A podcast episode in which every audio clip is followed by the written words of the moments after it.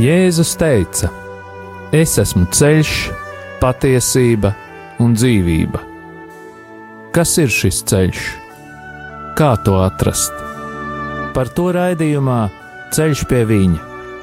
Raidījumu vada Normons Grasmanis.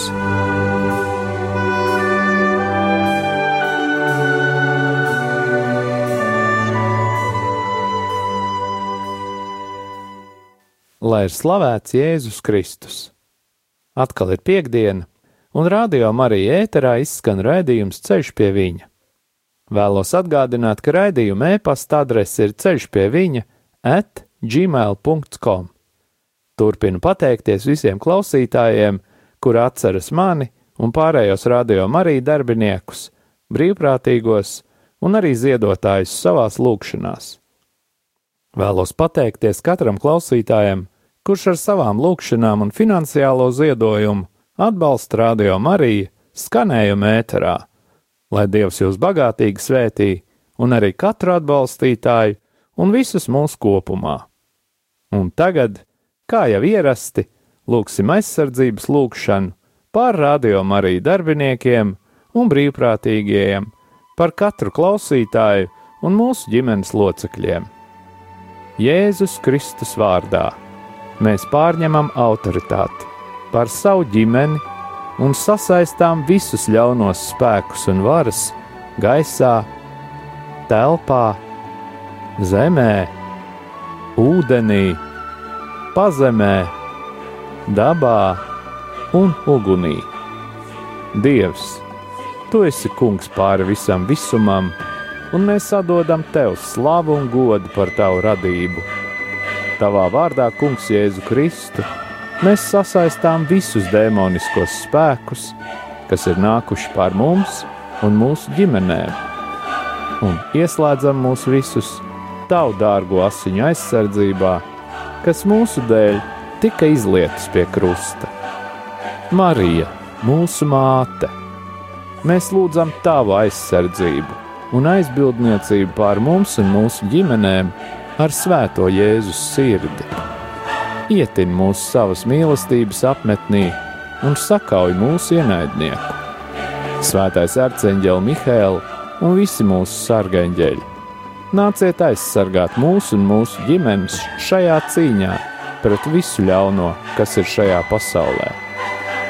Jēzus Kristus vārdā un caur viņa dārgajām asinīm mēs sasaistām visas ļaunuma varas un pavēlam tām atkāpties šajā brīdī no mums, mūsu mājām un mūsu zemes. Mēs pateicamies Tev, Kungs, Jēzu, jo Tu esi taisnīgs un līdzjūtīgs Dievs. Āmen! Jēzus Kristus vārdā un Viņa krusta un Viņa izlieto asiņu spēkā mēs sasaistām jebkura ļaunuma varas spēku garus un pavēlam tiem, lai tie nebloķē mūsu lūgšanas mēs salaužam jebkurus lāstus, burvestības, kas ir vērsti pret mums, padarot tos tukšus un bezspēcīgus. Mēs salaužam jebkuru uzdevumu, kas ir dots jebkādiem gariem, kas vērsti pret mums, un sūtām viņus pie Jēzus, lai viņš dara ar tiem, ko vien vēlas. Kungs, mēs lūdzam, lai tu svētī mūsu ienaidniekus, sūtot savu svēto garu pār tiem, lai vadītu viņus uz grēku nožēlu un atgriešanos.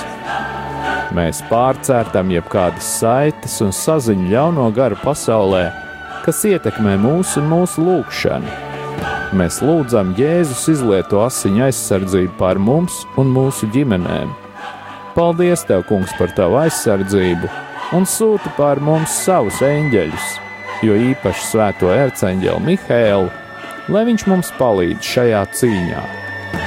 Mēs lūdzam tevi, vadi mūs mūsu lūgšanās un izlaies pār mums ar savu svēto garu, tā spēku un žēlsirdību. Āmen!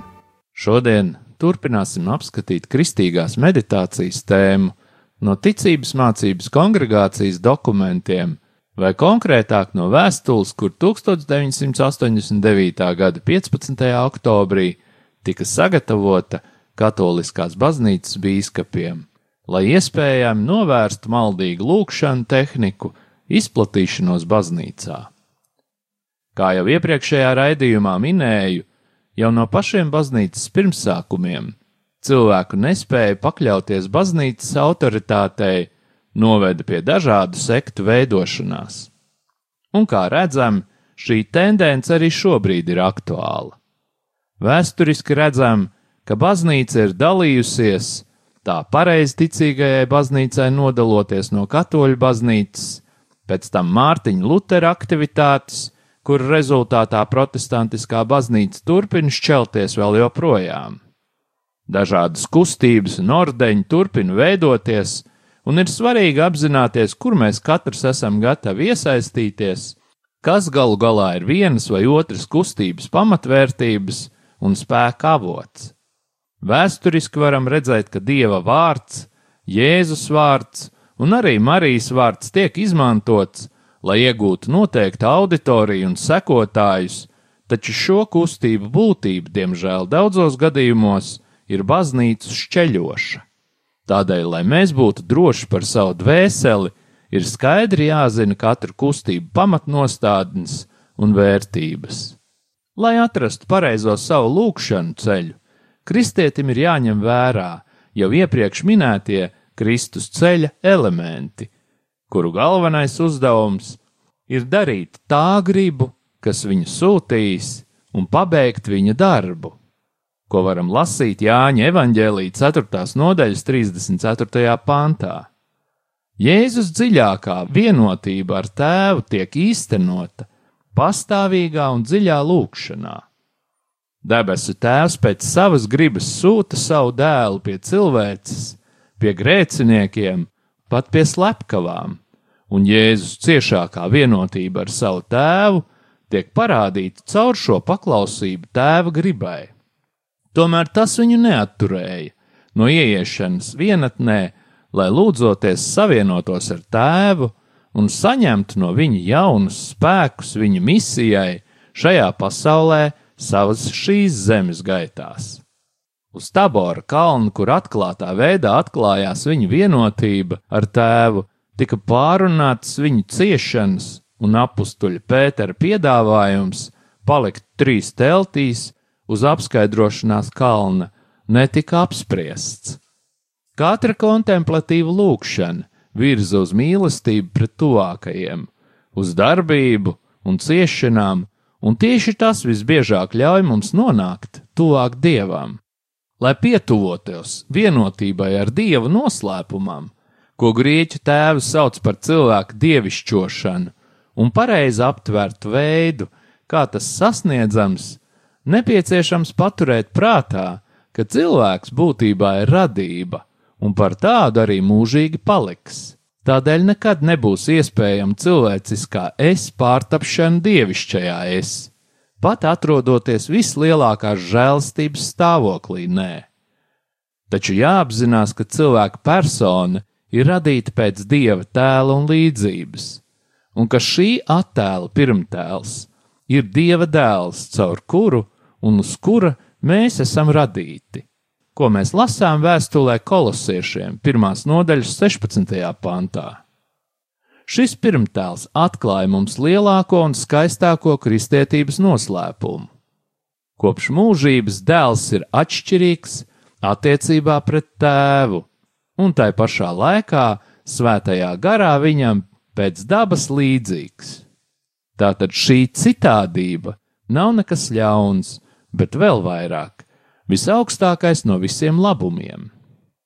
Dievā pašā ir dažādība, jo viņš ir viena daba trijās personās, un dažādība ir arī starp dievu un radībām, kuras ir pēc dabas atšķirīgas.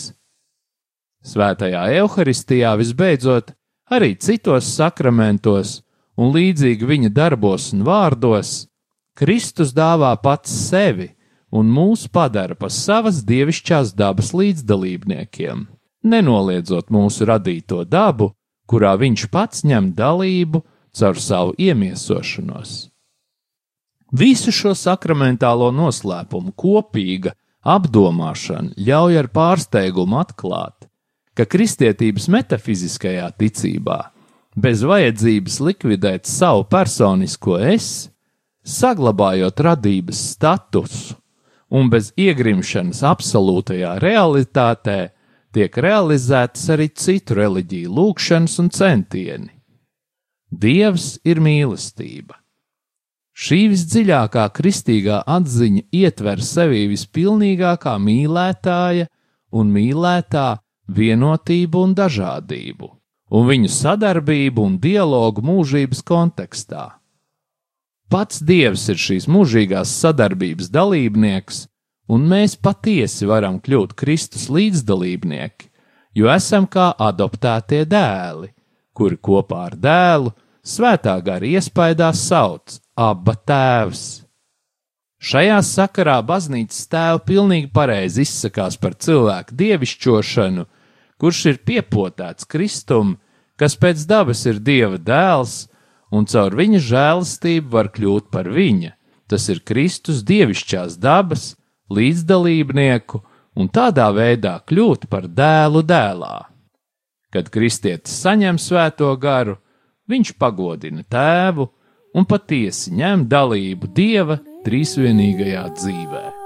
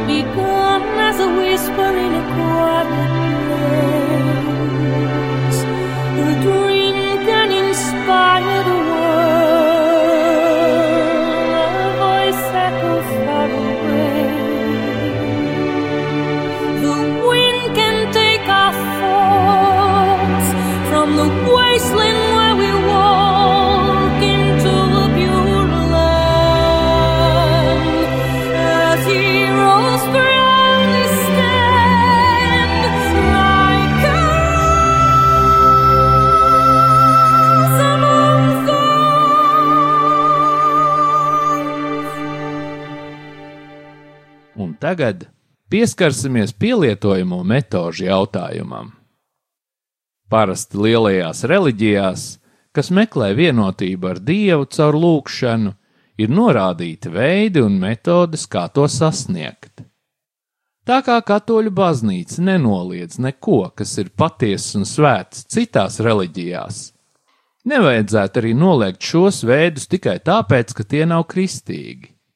Gluži pretēji, Mēs varam paņemt no tām mums noderīgo, tikai pie nosacījuma, ja netiek pazaudēta kristīgā sapratne par lūgšanu, tās loģika un prasības. Pamatojoties uz iepriekš minēto, mēs varam izmantot šos noderīgos elementus un savienojot tos ar kristīgām pamatvērtībām, izveidot jaunu lūgšanu pieredzi.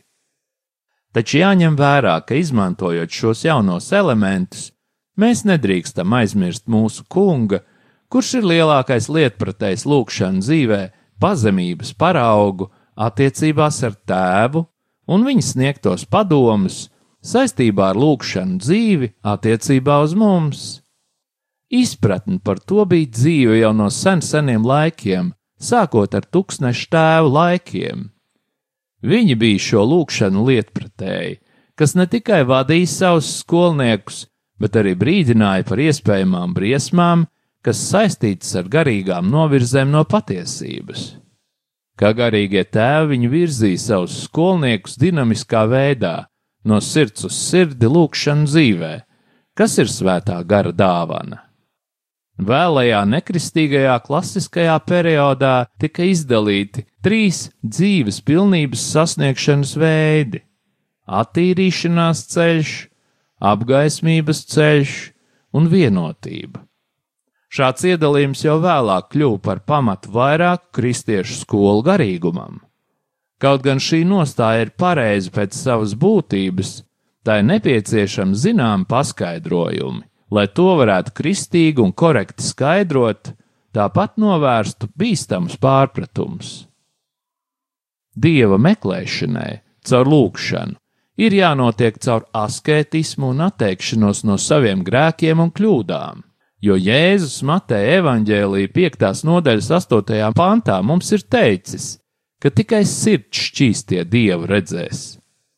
Evanģēlīja galvenais mērķis ir vest cilvēku uz morālo attīrīšanos, vest cilvēku pa patiesības un mīlestības ceļu, šo vērtību visdziļākajā līmenī.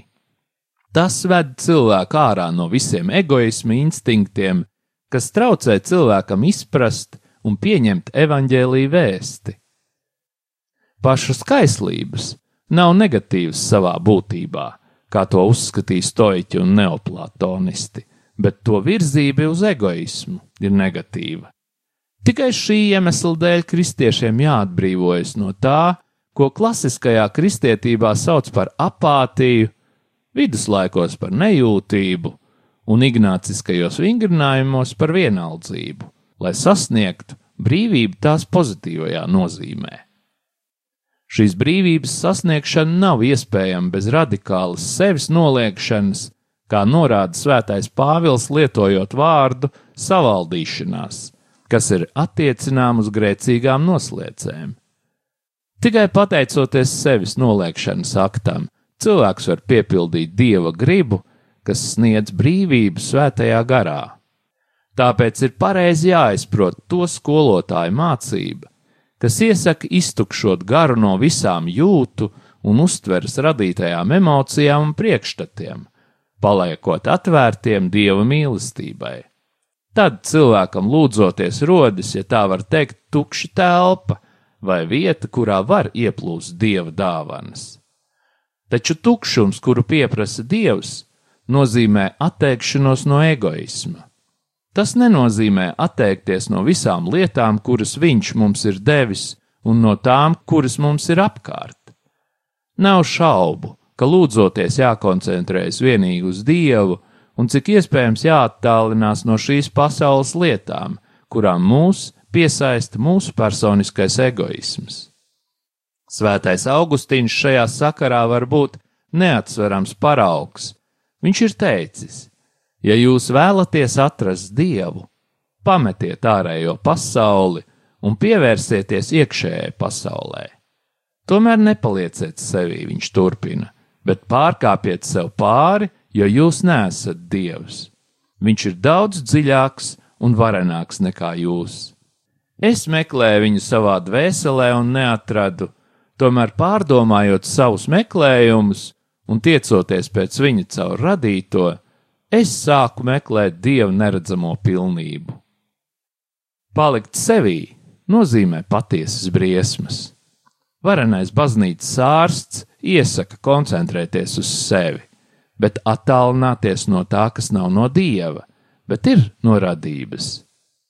Dievs ir dziļāks nekā visdziļākā radība, un augstāks nekā augstākais kalns.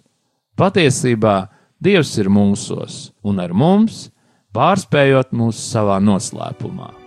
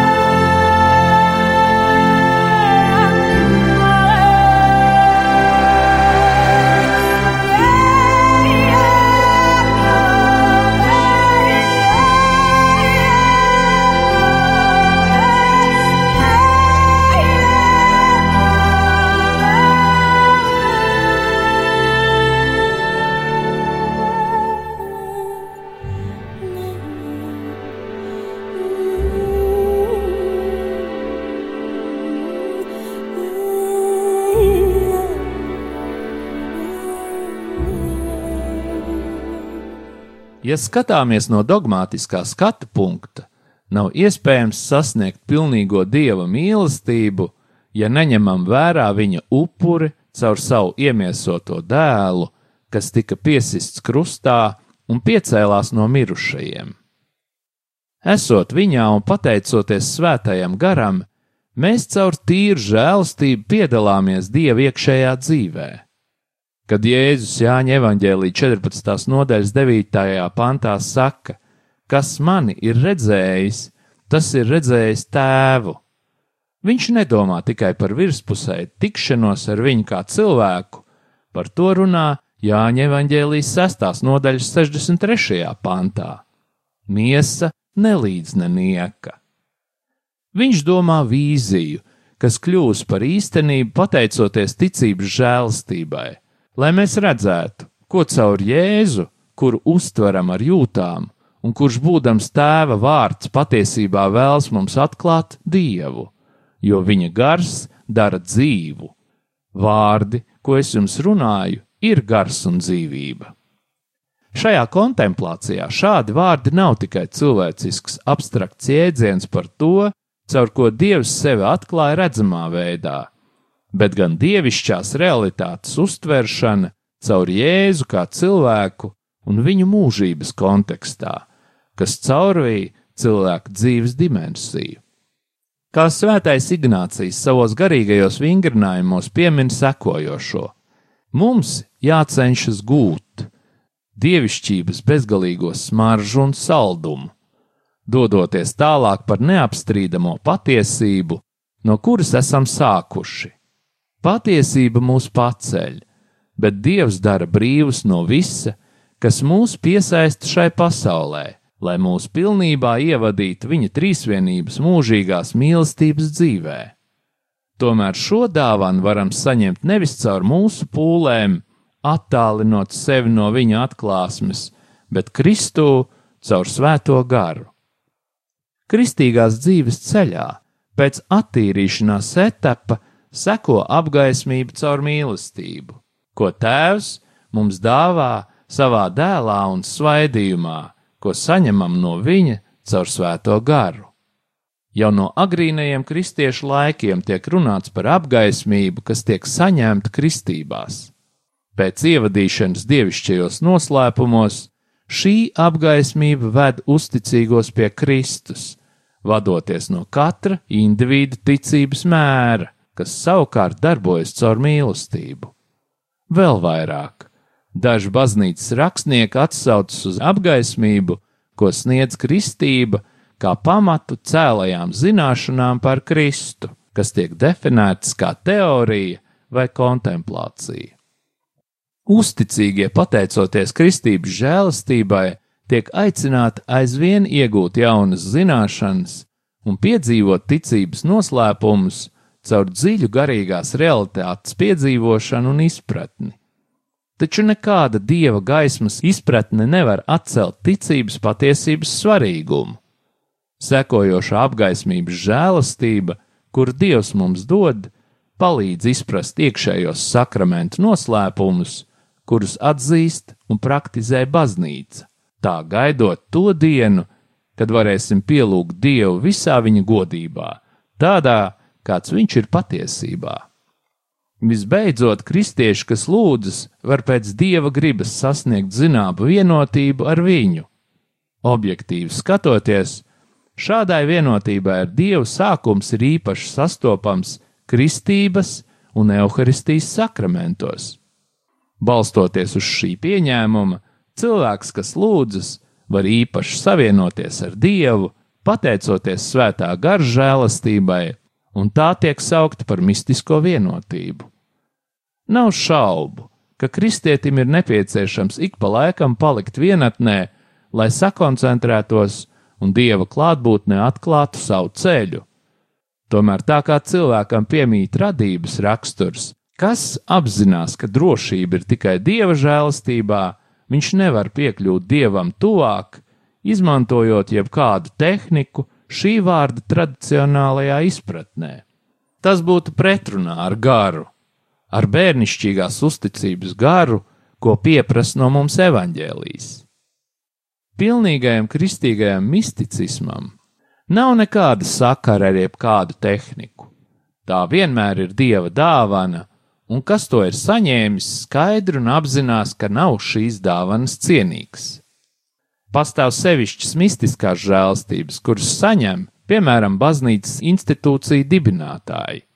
Šīs žēlastības ir raksturīgas priekš viņa personīgās lūkšanas pieredzes, ko nevar atdarināt un censties sasniegt citi uzticīgie brāļi un māsas, pat tie, kas piedar pie tām pašām institūcijām un meklē ar vien pilnīgākus lūkšanas veidus.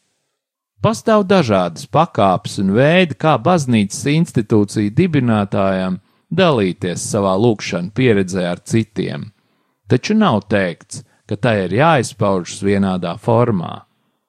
Visbeidzot, personiskā lūkšana pieredze, kā senajos, tā arī modernajos laikos, tiek nostatīta augstāk par visu baznīcas institūciju pieredzi.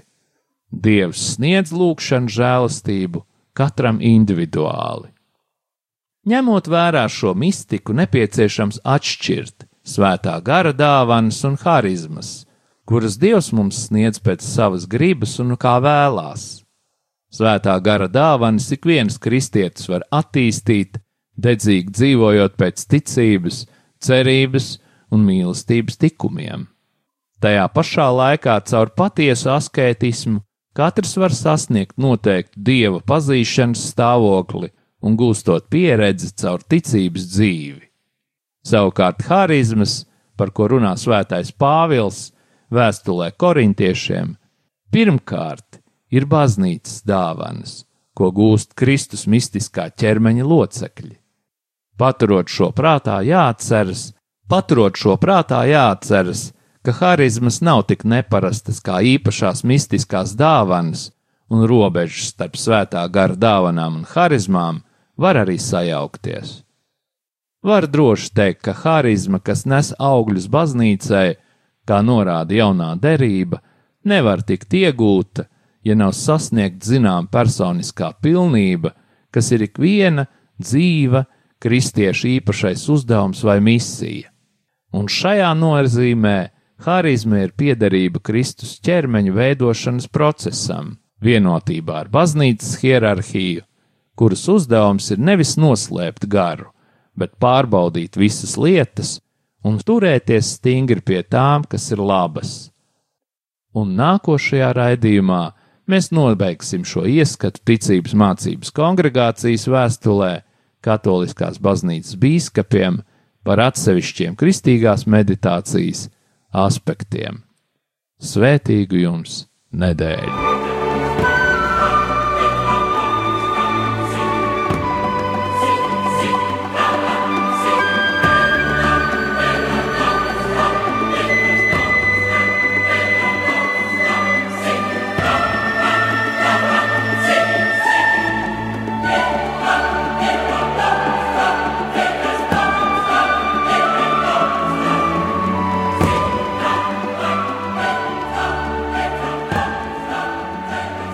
Tagad mēs iestājamies lūgšanā pret sātanu sistēmu un tās darbībām mūsu ģimenēs. Jo mums katram ir dota autoritāte lūgt šīs lūgšanas mūsu ģimenes sistēmas vārdā. Kungs Jēzu Kristu, dzīvā Dieva dēls! Mēs pateicamies Tev par Tavu brīnišķīgo dziedināšanas un atbrīvošanas kalpošanu Pateicamies par tevis veikto dziedināšanu un arī par tām, kuras tu turpināsi mūsu lūgšanu rezultātā. Mēs saprotam, ka mūsu cilvēciskā daba nespēja panest mūsu slimības un ļaunumu. Tādēļ lūdzu, attīri un šķīstī mūs no jebkādām skumjām, negativitātes, izmisuma, kuru mēs iespējams esam uzņēmuši.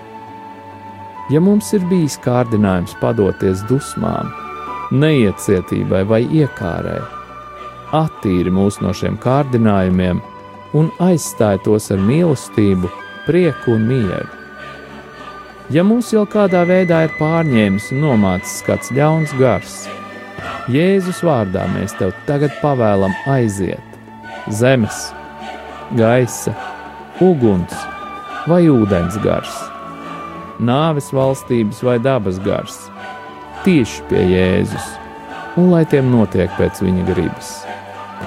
Nāc svētais gars, atjauno mūs, piepildi mūs atkal ar savu spēku, savu dzīvību un savu prieku. Stiprini mūs tur, kur jūtamies vāji, un apklāj mūs ar savu gaismu. Piepildi mūs ar dzīvību. Marija, visu svētā Jēzus māte, mūsu māte. Svētais arcāņģēl Mihēl, mēs tev pateicamies par jūsu aizbildniecību.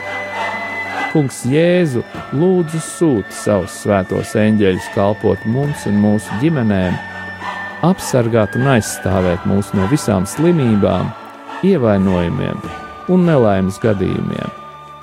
Lai mūsu ceļojumi ir droši, mēs tevi slavējam, tagad un vienmēr, Tēvs, Dēls un Svētais Gars. To visu mēs lūdzam Jēzus svētajā vārdā, lai tas tiek godināts Āmen. Un tagad saņemiet pāvesta Franciska svētību. Kungs Jēzus Kristus, lai ir pār mums, lai mūs svētītu, lai ir pie mums, lai mūs pavadītu, un lai ir ar jums un mums, lai mūs aizsargātu, lai mūs svētītu Dievs Tēvs un Dēls un Svētais Gars, lai asinis un ūdens, kas izplūda no Jēzus Kristus sirds, izplūst pār mums, un lai šķīstītu atbrīvo un dziedina. Saņemiet svēto garu, Dieva tēva un dēla un svētā gara vārdā Āmen!